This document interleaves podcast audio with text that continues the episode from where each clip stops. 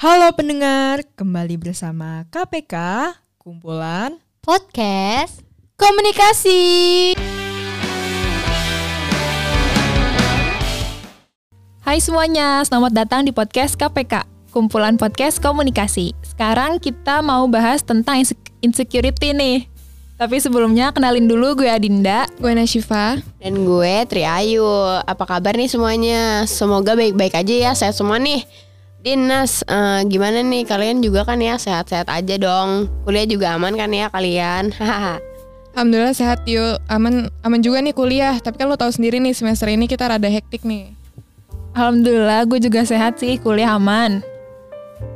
Hmm, Alhamdulillah deh ya nih semuanya sehat. Hmm, by the way, mau nanya nih gue pendapat kalian.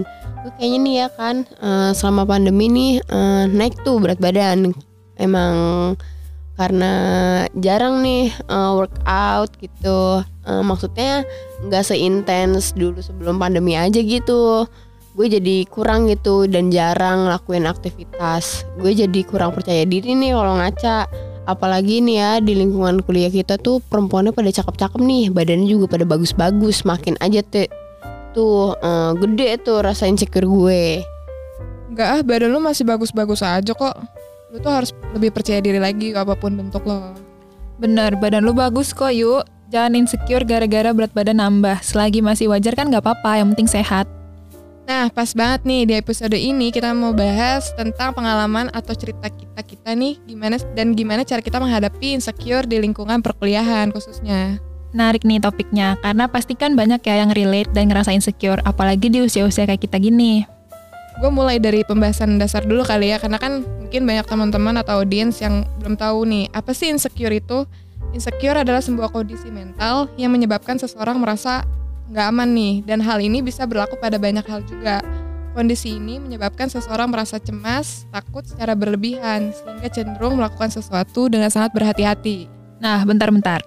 Sebelum makin jauh nih pembahasan kita, gue mau tahu dulu dong kalau dari kalian sendiri apa sih yang paling bikin ngebuat insecure dari Nashifa dulu deh. Kalau gue nih ya, jujur yang paling buat gue insecure banget adalah bukan soal fisik sih, tapi lebih ke prestasi yang orang-orang dapat.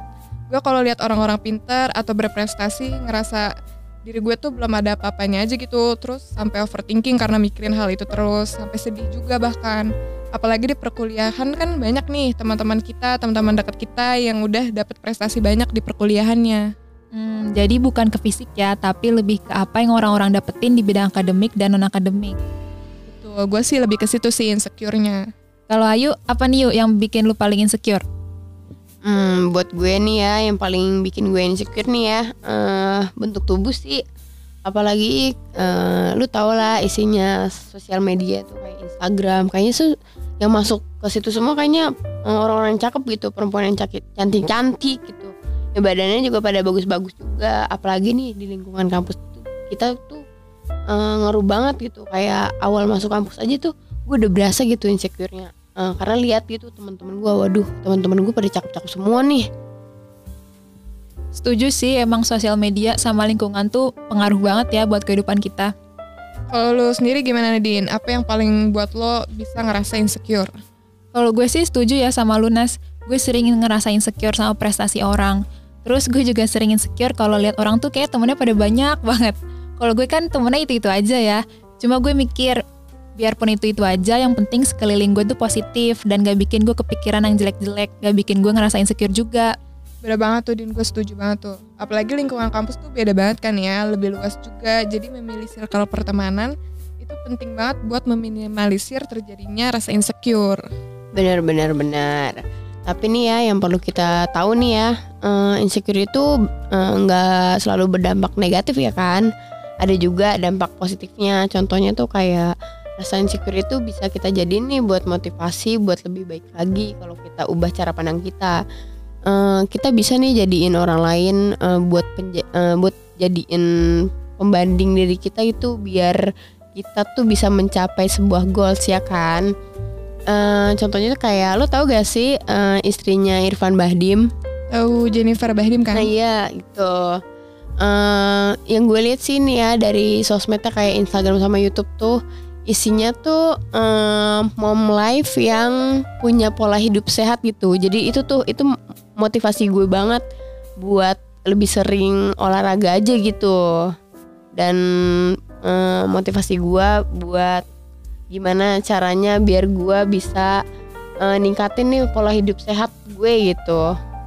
Bener banget tuh Yu, gue juga sering banget tuh ngeliatnya sosial medianya Jennifer Bahdim. Karena menurut gue juga uh, Jennifer Bahdim itu sendiri punya badan yang bagus Terus makannya juga sehat-sehat gitu. Jadi motivasi gue sendiri nih.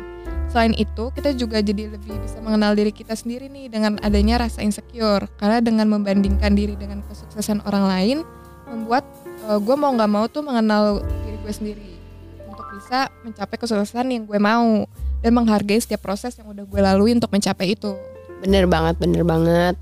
Hmm, kesimpulannya nih ya, insecure itu emang gak selalu berdampak berdampak negatif ya kan teman-teman, Eh, tapi juga punya nih dampak positif buat kemajuan diri kita. Setuju. Sebenarnya kita kan cuma perlu ngerubah pandangan kita aja jadi lebih positif kan supaya kita bisa ambil dampak baiknya. Kira-kira apa aja sih nih eh, penyebab utama rasa insecure itu muncul, khususnya nih di lingkungan perkuliahan? Karena jujur aja, gue kayak apa ya eh, ngerasa banget nih eh, insecure gue tuh muncul gitu pas gue masuk kuliah. Kalau penyebab sih ya itu tadi ya yang udah kita bahas sebelumnya. Kalau lingkungan per- perkuliahan itu kan luas, jadi orangnya juga makin beragam. Nah yang kayak gitu-gitu sih paling yang bikin kita makin banyak membanding ke diri sendiri. Nah, terus kalau udah kayak gitu gimana nih cara mengatasi atau menghadapi rasa insecure itu sendiri? Nah, ini penting banget nih buat kita tahu eh, dan audiens tahu juga. Eh, gue udah riset nih eh, kayak beberapa cara gitu buat menghadapi rasa insecure ya kan. Salah satunya adalah sikap penerimaan diri. Gimana tuh yuk caranya biar kita bisa nerima diri kita sendiri? Hmm, gini sih, eh, simpelnya eh, kalau kita nggak dilahirin sebagai orang yang good looking nih ya, terima aja gitu, bersyukur apa yang ama eh, sama apa yang kita punya sama apa yang ada di diri kita.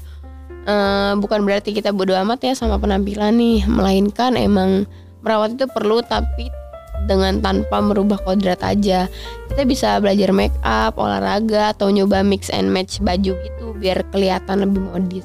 Nah, sikap-sikap kita ini secara nggak langsung nih eh, nunjukin kalau kita itu lagi belajar untuk menerima kekurangan sambil membangun kepercayaan diri kita, guys.